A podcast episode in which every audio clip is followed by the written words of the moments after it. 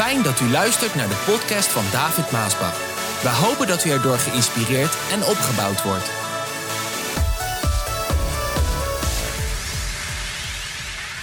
We hebben in de wereld twee stromingen. Ik wil het, ja, je kan het, je kan het noemen twee stromingen. Je kan het noemen twee geestelijke werelden. Je hebt, je hebt de stroming van God. God is licht. God is leven. Het is het goede. En je hebt de stroming van de duivel. Satan. De draak. De slang. Dat zijn allemaal namen die de Bijbel geeft voor de boze. Dat is de wereld, dat is de stroming van dood, verderf, vernietiging, duisternis. En deze twee, deze twee zijn altijd in strijd, al vanaf het begin. Het zijn beide stromingen die werkzaam zijn op deze aarde. Als je de sterke werking van de Heilige Geest misschien nog nooit ervaren hebt, dan wordt het de hoogste tijd dat je die vandaag gaat ervaren.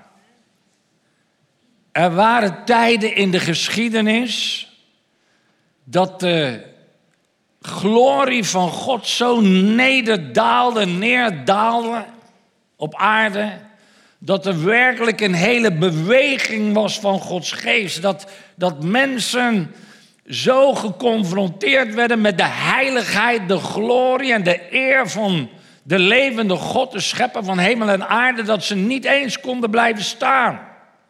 Zo groot was dan die openbaring, die ervaring van de Heilige Geest. Er waren tijden, als we denken bijvoorbeeld aan Pinksteren. Er staat in het boek van Handelingen dat de geest kwam neder en bewoog de hele zaal waar mensen samenkwamen. Zelfs het huis bewoog. Er zijn tijden geweest, als je de opwekkingsboeken leest van Charles Finney. Ik weet niet of je daar wel eens van gehoord hebt. Als hij sprak, dan kwam de Heilige Geest zo, daalde zo neer op die plaats, dat iedereen het voelde en ervaarde. En als hij begon te spreken, dan luisterden ze met aandacht. En dan begon de Heilige Geest te werken, waarin de glorie van God geopenbaard werd, dat de mensen zich tijdens zijn preken bekeerden. Tijdens zijn preken gingen ze naar voren, knielden ze neer en zeiden ze: Oh God, vergeef mij van mijn zonden en red mij. Tijden van Charles Spurgeon. Ook, wat is het, honderd zoveel jaar geleden. Als hij sprak, dan ervoeren de mensen de kracht, de heiligheid, de glorie van de levende God. En zij bekeerden zich. Er zijn tijden geweest dat ze tijdens zijn preken zo gingen huilen. En dat ze geopenbaard werden dat ze zonde hadden in hun leven. Dat ze huilden dat hij niet verder kon preken. Dat hij ter plekke een uitnodiging moest doen, omdat zij wilden zich bekeren, de mensen. Vanwege de openbaring van de Heilige Geest, de stroming van de Heilige Geest. Even niet eens zo heel lang geleden. Als we denken aan T.L. Osborne die op het Malieveld was. Honderdduizend mensen op het veld. En als hij begon te bidden, dan hieven die mensen hun handen op en ze begonnen het zondagsgebed te bidden. Campagnes daarna die broeder Maarsbach hield. Op verschillende plaatsen in Nederland. Als hij de uitnodiging deed, dan kwamen de mensen massa's naar voren om zich te bekeren. Dat zag je haast niet in die tijd. Lieve mensen, ik zeg u, dat is precies wat Nederland vandaag nodig heeft. Dat mensen zich bekeren. Dat de kerk zich bekeert. Oh, halleluja, dat de kerk zich bekeert. Christenen, kinderen Gods, predikanten, dominees, voorgangers, dat ze zich zullen bekeren. Dat is wat Nederland nodig heeft vandaag. Ik wil u meenemen naar het verhaal. Zo'n 3100 jaar geleden, in de tijd van het volk van Israël, waar Eli de priester was. De hoge priester, Eli. Wel eens van gehoord? Eli was hoge priester en had twee zoons, Hofni en Pinias. Die waren ook priesters. Maar het was een slechte tijd. Er was heel veel zonde. Ook Hofni en Pinias die leefden in zonde. Precies als een tijd van vandaag eigenlijk. En Eli die corrigeerde zijn zonen niet. En het, het werd allemaal maar gedaan. En het volk week af van de wegen des Heren. Het volk week af van de geboden des Heren. Ze hielden zich niet meer aan de wetten van God. Iedereen deed wat hij zelf wilde. En ze dachten allemaal maar dat het zomaar kon. Lieve mensen, dat denkt men vandaag ook dat het allemaal maar kan. En dan staat er dat ze waren in strijd, in oorlog met de Filistijnen.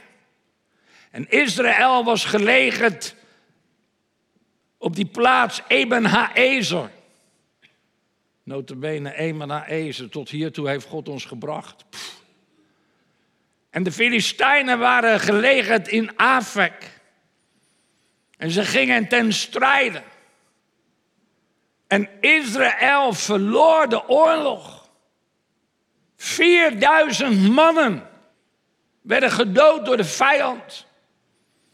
En ze begrepen het eigenlijk niet, want God was toch met hen. Kan je nagaan, 4000 vaders, 4000 echtgenoten, 4000 ooms. Weg. Nou, dan moet ik vandaag ook denken aan de oorlog daar in de Oekraïne en Rusland. Hoe tienduizenden de afgelopen maanden elkaar vermoord hebben. Al die vaders, al die kinderen. Zo was het ook in die tijd. Ze verloren de oorlog. Hoe kan dat? Hoe is het mogelijk? In de pan gehakt, 4000 man dood, terwijl Israël altijd won. Want zij hadden de levende God. Het symbool van de levende God, dat zat hem in die ark van het verbond. Ik zal daar in het nieuwe jaar nog een, een boodschap over brengen om uit te leggen hoe die ark verbond, hoe dat werkte.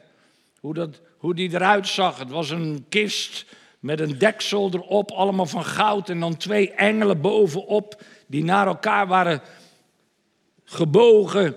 En daar in het midden had je de plek, en die noemden ze met een moeilijk woord de Shekinah. Dat was de plek waar de glorie van God altijd was. En zo, die, die ark, die stond in Silo, in de stad Silo. En wat bedachten ze nou, het volk, toen ze daar zo in de pan werden gehakt? Ze zeiden tegen elkaar: laten we de ark halen. De tegenwoordigheid van God, de glorie van God. Laten we de ark halen uit Silo. Naar de plek waar wij strijden met de Filistijnen. Dan zal God ons zeker de overwinning geven. En zo de ark werd gehaald uit Silo. En werd daar binnengebracht. Die lege plaats. En de Bijbel die vertelt ons dat toen de ark daar binnenkwam in die lege plaats, dat al die Israëlieten begonnen te juichen. Het was zo'n lawaai van het gejuich dat die ark daar in die lege plaats werd gehaald, het symbool van de levende God. Dat de Filistijnen zich afvroegen, wat, wat is dat voor een lawaai? Wat is dat? Ze maken zo'n lawaai en dan wordt hun verteld, ja, het is de ark des verbonds. Wat de Israëlieten hebben gehaald. En toen ze dat hoorden, toen werden ze hartstikke bang. Want het volk van Israël stond bekend vanwege die ark die meegegaan was. En dat overal waar zij kwamen, de levende God had hun de overwinning gegeven. Jericho, Ai, noem maar op. Het hele beloofde land werd in bezit genomen. Want zij hadden de levende God. Ze waren bang voor de levende God. Het volk van Israël dacht, nou gaan we zekerlijk winnen. En ze gingen weer in de strijd. En weer werden ze in de pan gehakt. 30.000 man dood. 30.000 man. Hofni en Pinias stierven daar. En de ark werd buitgemaakt door de vijand. Een van de mannen uit de stam Benjamin, die, die rent naar de stad Silo, waar priester Eli zat te wachten. Eli was 98 jaar. Hij kon niet eens meer zien en hij zat op een stoel. En dan komt de Benjamin, Benjamiet, die komt bij Eli en Eli zegt, hoe is het? Hoe is het gegaan? Och meneer Eli, we hebben de strijd verloren. Er zijn 30.000 man verloren. Uw zoon, uw zonen Hofni en Pinias zijn ook dood. Eli zegt, ja, maar, maar hoe is het met de ark? Hoe is het met de ark? De ark is buitgemaakt door de vijand.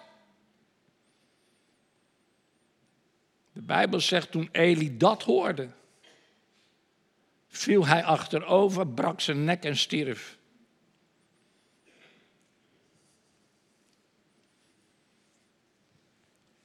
De vrouw van Pinias, die was hoogzwanger. En toen zij hoorde dat haar man, haar schoonvader, waren gestorven en dat de strijd was verloren en dat de ark was buitgemaakt, staat er dat ze terstond baarde. En ze noemde haar zoon Ikabot. En Ikabot betekent de glorie van God is weg. De glorie van God is geweken. En ze stierf. Ikabot. Lieve mensen, dit is een woord voor Nederland. Ik spreek ook dit woord uit. De Heer heeft me dat woord gegeven. Ik moet hem brengen en ik zal het zeggen. Ook in Nederland. Ikabot. Het is zover. Tijd is om. De glorie van God is uit Nederland geweken. Ikabot. Ikabot. Als je naar al die dingen kijkt die in ons land zijn. En niet alleen in ons land, lieve mensen. Al die dingen die de kerk zijn binnengekomen. Net als met het volk van Israël.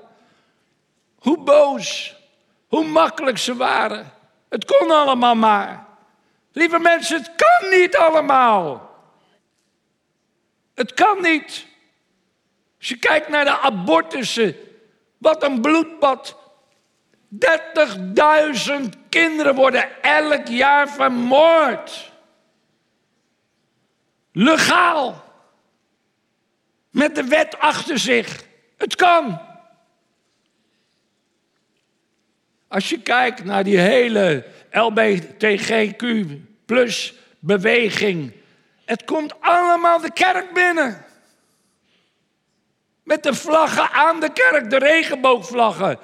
Hoeveel heisa is er niet met de voetbal geweest vanwege die regenboogband? Wat een heisa. En wij maar vertellen tegen andere landen wat de normen en de waarden zijn. Nou, wij zijn geen haar beter. Als je kijkt naar alle Israël-haters die ons land zijn binnengehaald. Kom maar binnen allemaal. Al de haters van Gods volk. Met steun van de ChristenUnie. Kom maar binnen. Vluchtelingen noemen we ze. Kom maar binnen. Lieve mensen, ze haten Gods volk. Ze haten christenen. Er is een hele boze macht achter. En als het straks puntje bij paaltje komt, haten ze ook jou en mij. Wij zijn christenhonden.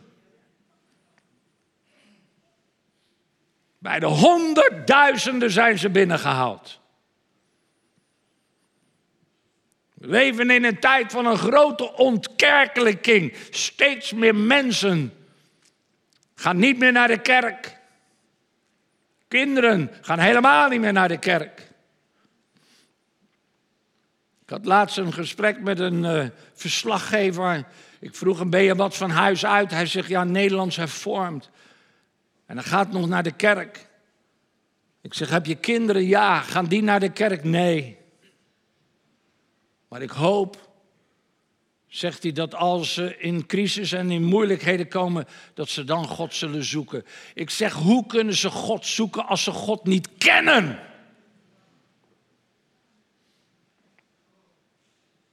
We leven in een tijd die anders is dan al die eeuwen voorheen. Er is een tijd dat, dat oké, de ontkerkelijking is eerder geweest, maar wij hadden in een aantal jaren geleden nog altijd wel de godsdienstlessen op school. We hadden nog de kerkklokken die luiden, waarin de mensen werden opgeroepen om naar de kerk te gaan. Er was dus nog kennis van de levende God. Maar dat is helemaal veranderd, want al jaren is de overheid bezig om God uit de maatschappij te bannen. Met D66 voorop. Er is dus een hele generatie vandaag die de levende God niet meer kent. En als ze dus in crisis komen, dat is het verschil wat je ziet vandaag met de grote crisissen, dan gaan de mensen niet meer massaal op hun knieën naar de kerk, want ze kennen God niet meer. We leven in een hele grote anti-goddelijke tijd. Het is niet meer zo van, nou, kijk maar hoe of wat. Nee, men is anti-God. Men wil niks over God. Geen kruisjes, niks. En ze gebruiken de islam om het christendom de mond te snoeren. Dat is precies wat ze doen. Bijbel weg, godsdienstlessen weg. De antigoddelijke regering die we hebben. De ene na de andere wet wordt uitgevaardigd. Het brengt de mensen in slavernij. Het volk in slavernij. En luister, er is maar één weg om dit te veranderen. En dat is als Nederland zich bekeert.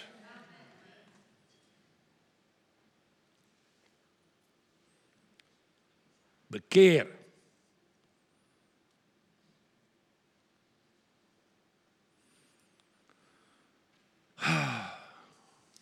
Dank u, Heer, dat ik dit kan zeggen vandaag.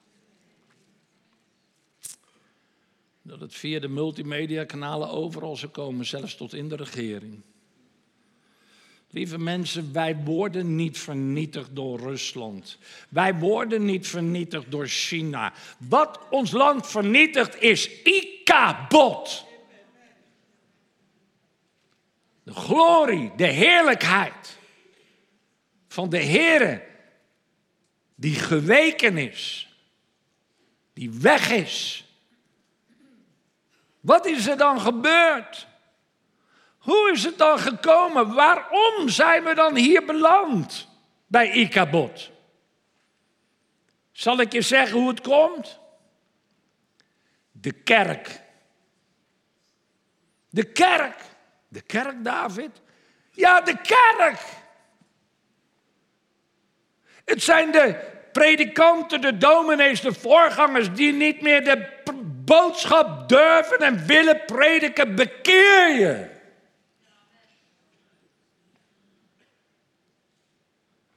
Want we leven in een tijd dat je, je moet niet kwetsen. Nee, krijg ik brieven van voorgangers. Broeder David, we kunnen toch beter verbinden in de liefde. Nou, ik zal je vertellen, die kerken die verbinden in de liefde, die zitten vol met zondaren. Ze komen als een zondaar binnen en ze gaan als een zondaar weer weg. Hoe was het? Oh, het was zo fijne fellowship. Maar lieve mensen, lieve dominees, predikanten, als je dit hoort, deze boodschap. Luister alsjeblieft. De Bijbelse normen, de Bijbelse waarden, de wetten van de levende God, dat is toch juist de kracht van de kerk? Dat is toch juist onze kracht? Als wij ons houden aan de wetten, de normen en de waarden en de principes van de levende God. Maar het probleem is de kerk. De kerk gaat erin mee. De christenen gaat erin mee. Niet alleen in de traditionele kerk, ook in de Pinksterkerken, de evangelische kerken. Men gaat erin mee.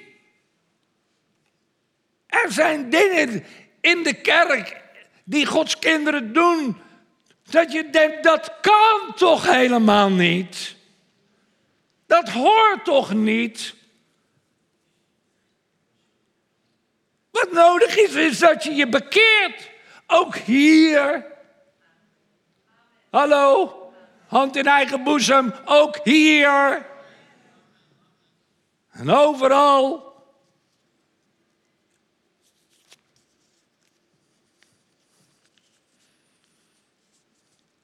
En als je naar de livestream kijkt, of de multimedia kanalen, je hoort deze boodschap, ik zou je op willen roepen, vind een kerk waar de levende God gepredikt wordt.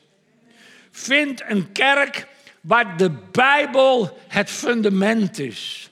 Vind een kerk waar Jezus de, het middelpunt is. Vind een kerk waar het huwelijk en het gezin nog de hoeksteen is. Ja. Nou, dat vind ik maar een magerklapje.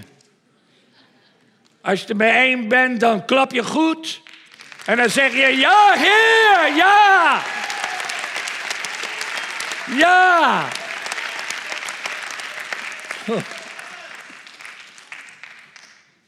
Lieve mensen, de kerk is er niet. Ja. De kerk is er om mensen die verloren gaan te redden.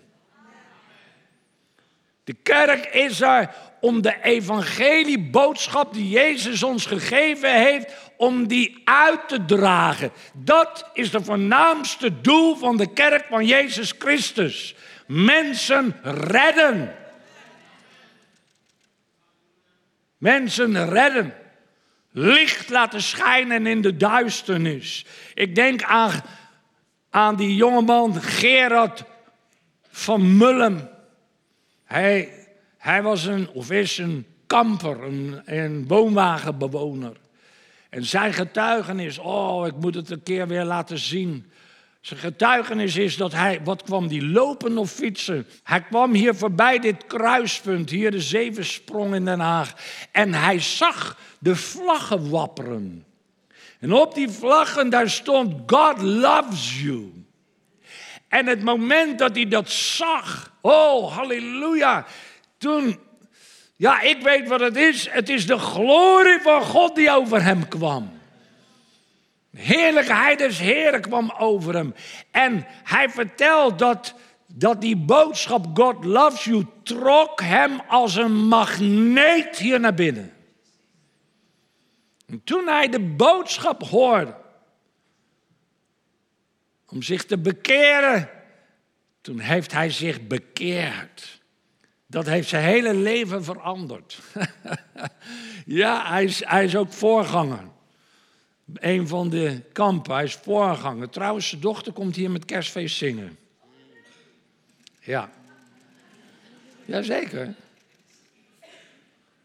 Ja, echt. En zo hebben we vele van dat soort getuigenissen, lieve mensen.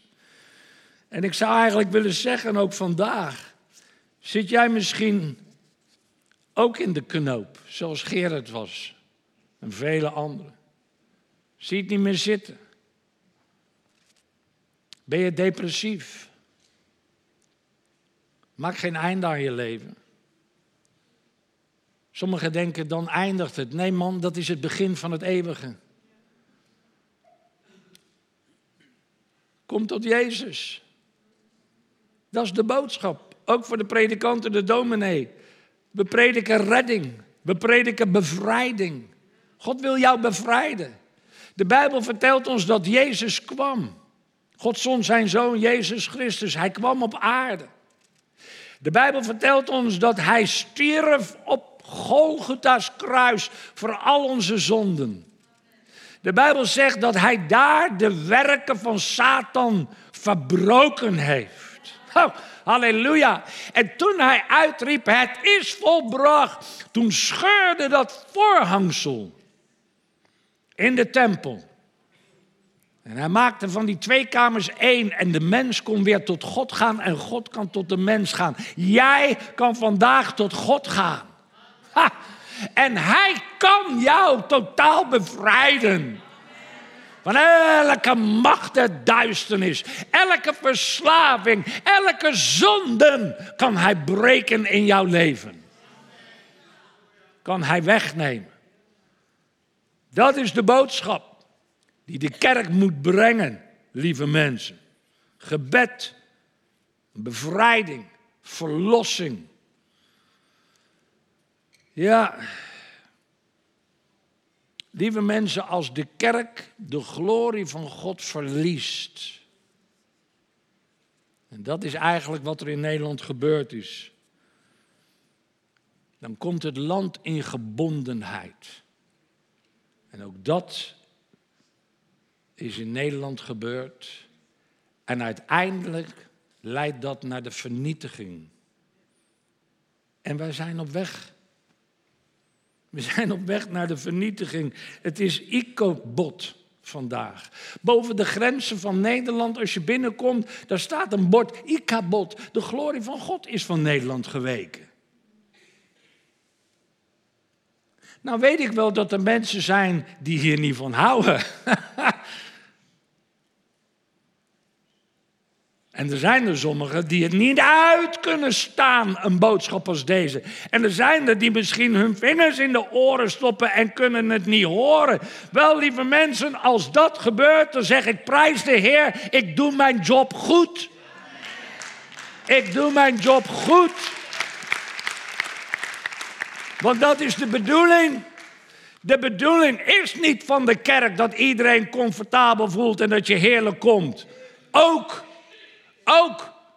Maar ook dat als je in zonde leeft en je hoort de boodschap dat je je oncomfortabel voelt.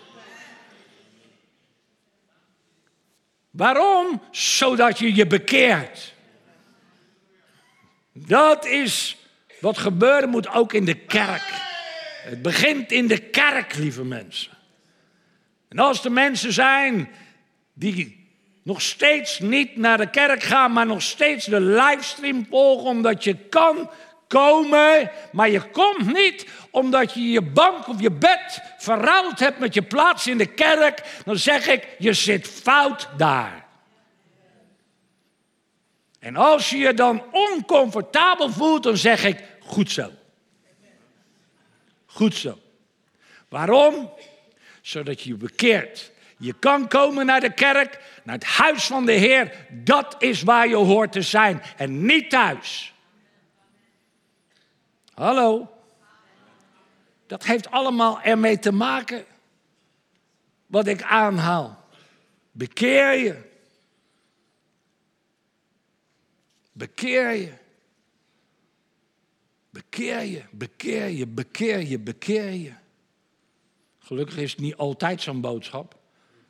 Maar als die komt, ik zeg, Heer, moet dat nou? moet dat nou? Ja, David, ik heb iets moois, maar eerst deze boodschap. Dan moet ik dat doen. En dan is het uitgesproken. Ja, het moet. De kerk moet zich bekeren. Het oordeel begint in het huis Gods. De kerk moet zich bekeren. De dominees, de predikanten, de christenen, zij moeten zich bekeren. Zij moeten het licht laten schijnen. Mensen, we zullen nog veel meer in de duisternis moeten vertellen over de geweldige dingen die God heeft gedaan. Dan komen ze binnen naar de kerk, maar als je altijd je mond houdt en je praat er nooit over. De duivel gaat wat door en, en de goddeloosheid gaat door en het wordt steeds erger. Laatst hadden we, uh, uh, ik weet niet meer precies wie, een van de medewerkers of een van de broeders en zusters uit de kerken, die vertelde, ik geloof aan, uh, aan Regina, ja, hun kind zat op een christelijke school. Onlangs, nog niet lang geleden. En ze hebben die dag, hebben ze alle kinderen en meisjes en jongens hun nagels gelakt. Hun nagels gelakt. En dat jochie dat zegt tegen de leraar of lerares, maar dat mag ik niet van mama. En toen antwoordde zij, christelijke school hè. Antwoordde ze, nou dan haalt je mama het er vanmiddag maar af. Heb je wel eens van Paarse Vrijdag gehoord? Nou, ik heb er nog niks van gehoord, tot net.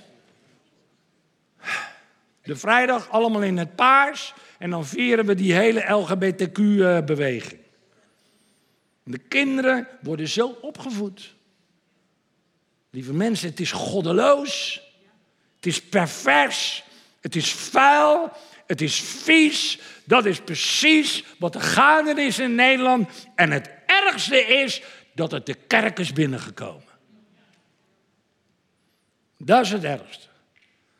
En als de dominees, de priesters en de kerk zich daaraan overgeven wat ze gedaan hebben, ikabot is het resultaat. Lieve mensen, alsjeblieft. Laat ik dit zeker zeggen tegen degene die via de social media kanalen kijken of uh, uh, livestream. Als je een kerk bezoekt waar de heerlijkheid des Heren nog altijd is, wees dankbaar. Lieve mensen, ook aan deze plaats. Wees dankbaar dat als we samenkomen en we beginnen te zingen, dat de heerlijkheid des Heren neerdaalt. Oh ja, dat je het mag ervaren, dat je het mag voelen. Dat je aangesproken wordt als de Heer zijn vinger op de zere plek in je leven wil leggen, zodat je je bekeert. Dat brengt opwekking. Dat brengt beweging. Het is alleen maar goed voor je eigen leven ook. Bid juist voor de voorganger die deze dingen durft te prediken en zeggen. Ook de dominees en de predikanten. Want luister, ik ben niet de enige, hè? Ik ben niet de enige die zo denkt en jullie zijn niet de enige die amen hierop zeggen, hè? Er zijn nog vele duizenden mensen in ons Nederland die ook zo denken. Er zijn nog kerken in Nederland waar de heerlijkheid des Heren neerdaalt. Ik ben blij met een plaats als deze. Ik ben dankbaar met een plaats als deze. En als je je aangesproken voelt, ga dan niet weg. Ga zeker niet boos weg. Verdwijn niet naar een andere kerk waar je dan wel lekker in je zonde kan blijven leven. Bekeer je. Bekeer je. En die oproep wil ik eigenlijk doen. Want ik weet dat hier ook mensen zijn. En ook als je kijkt via de livestream.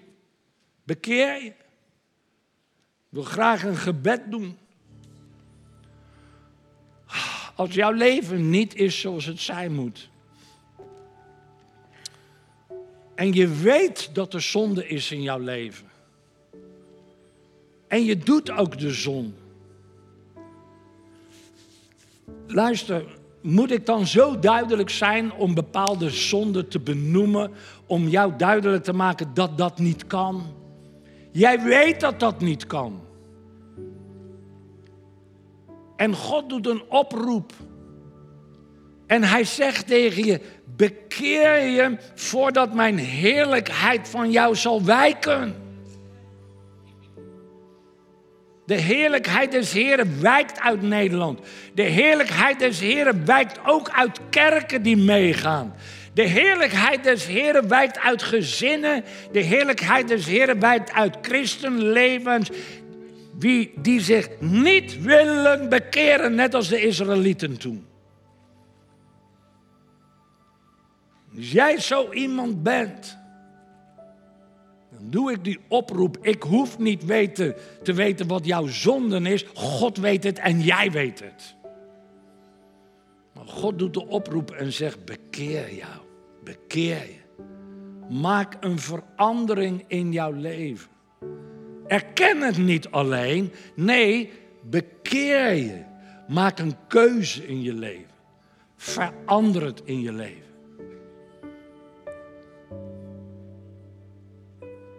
Hoeveel zijn er hier vandaag die zeggen: David, ik ben het.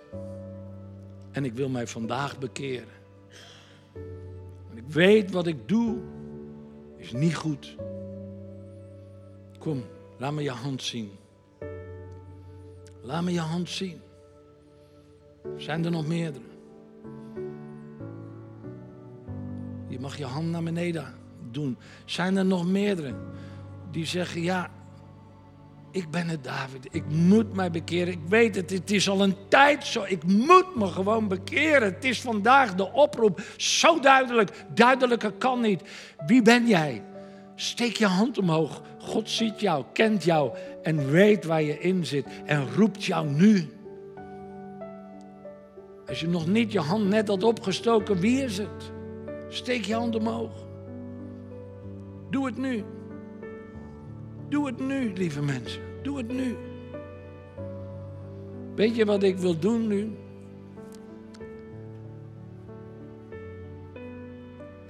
Terwijl we zo rustig in gebed zijn, nodig ik jou uit die je hand omhoog hebt gehaald. Maar iedereen die eigenlijk zich zou moeten bekeren, kom naar voren en kniel neer voor het altaar. Dit is wat we noemen het altaar van God. Kniel neer en beleid jouw zonde aan de Heer. En zeg, Heer, vergeef mij mijn zonden, ik bekeer mij vandaag. Kom maar, ja, doe maar. Kniel maar neer. Doe jouw gebed, doe je eigen gebed aan de Heer. Neem een moment de tijd. Open jouw hart. En vraag God om vergeving. Laat je reinigen door het bloed van Jezus. En maak jouw beslissing en jouw keuze. Zeg, noem je naam en zeg, ik moet veranderen. Ik moet dit veranderen in mijn leven. Lieve mensen, ik weet dat er nog mensen in de zaal zitten. Deze dag gaat voorbij, maar laat dit moment, laat Jezus nou niet aan je voorbij gaan vandaag. Hoe duidelijk kan het zijn dat de Heer tot je moet praten en zeggen: Je moet je bekeren. Kom, kom. Ik, de gelegenheid is hier. Niet straks na de dienst, nu. De gelegenheid is hier. Kom, doe dat gebed. Doe het in je binnenste, lieve mensen die hier geknield zijn. En als er nog anderen zijn en je vindt je moet knielen, kom naar voren. Kniel neer. En bid de Heer om vergeving. Oh, halleluja. Kom, maak een verandering in je leven. Zeg, oh God, vergeef mij toch. Reinig mij toch van al mijn zonden. Neem het weg van mij, Heer. Neem het uit mijn denken weg. Neem het uit mijn hart weg. Neem het uit mijn geest weg. Laat uw bloed mij reinigen. Was mij witter dan de sneeuw. Laat vandaag een nieuwe dag zijn en een nieuw begin zijn. Ik wil anders leven. Ik wil anders praten. Ik wil anders denken. Ook als je hier bent als priester, vaders. En je bent geen goede priester geweest voor je kinderen. Je zou hier geknield moeten zijn. Als je geen goede priester bent geweest. Maar het is misschien niet te laat. Als je kleine kinderen hebt, kan je alsnog een goede priester zijn. Maar ook misschien in je huwelijk. Je zou moeten knielen. Dames, misschien ben je wel ergens fout geweest. Tegen je man of tegen je kinderen. En je weet dat het niet goed is. Je zou moeten knielen en zeggen: Oh God, laat er niets tussen mij en u in staan. Heer. Kom. Laat uw glorie neerdalen, Heer. Laat uw glorie neerdalen, Heer. Heer, deze mensen die hier geknield zijn, laat het toch niet aan hen voorbij gaan, die werkelijke hartsverandering die alleen uw geest teweeg kan brengen in hun binnenste. Daarom zijn ze hier, daarom staan ze, zijn ze geknield, heren. Breng door uw Heilige Geest uw glorie in hun binnenste, waardoor ze overweldigd worden door uw heiligheid, uw reinheid, uw grootheid en uw grote liefde voor hen. En de Heer neemt al jouw zonden weg. En ook als jij thuis bent neergeknield bij je bed of bank, God vergeeft je. Misschien als je dat niet eens kon doen omdat je zo ziek bent. God wil je ook helen en genezen. De Heer wil het doen en Hij zal het doen naar zijn woord en naar zijn belofte. Want God is een goede God. Hij wil niet dat mensen verloren gaan. Hij wil juist dat de kerk sterk zal zijn, vol zal zijn van zijn glorie en heerlijkheid. Ik bid dit, Heer Vul een ieder hier met de kracht van uw Heilige Geest. Laat uw heiligheid en uw glorie openbaar worden. Verander door uw glorie het hart, Heer. verander het hart. Heer, als de mensen die geknield zijn op zullen staan, dat ze een ander hart zullen hebben. Een hart Vol van de heerlijkheid en de glorie des Heeren. Wat je niet zal prijsgeven voor niemand en niets. Dat elke macht van de duivel verbroken zal zijn in jouw denken. In jouw leven. Weg, weg, weg. In Jezus' naam.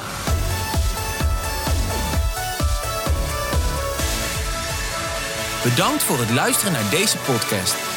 Wilt u meer preken beluisteren? Ga dan naar message.maasbachradio.com. Bezoek ook eens onze website www.maasbach.nl.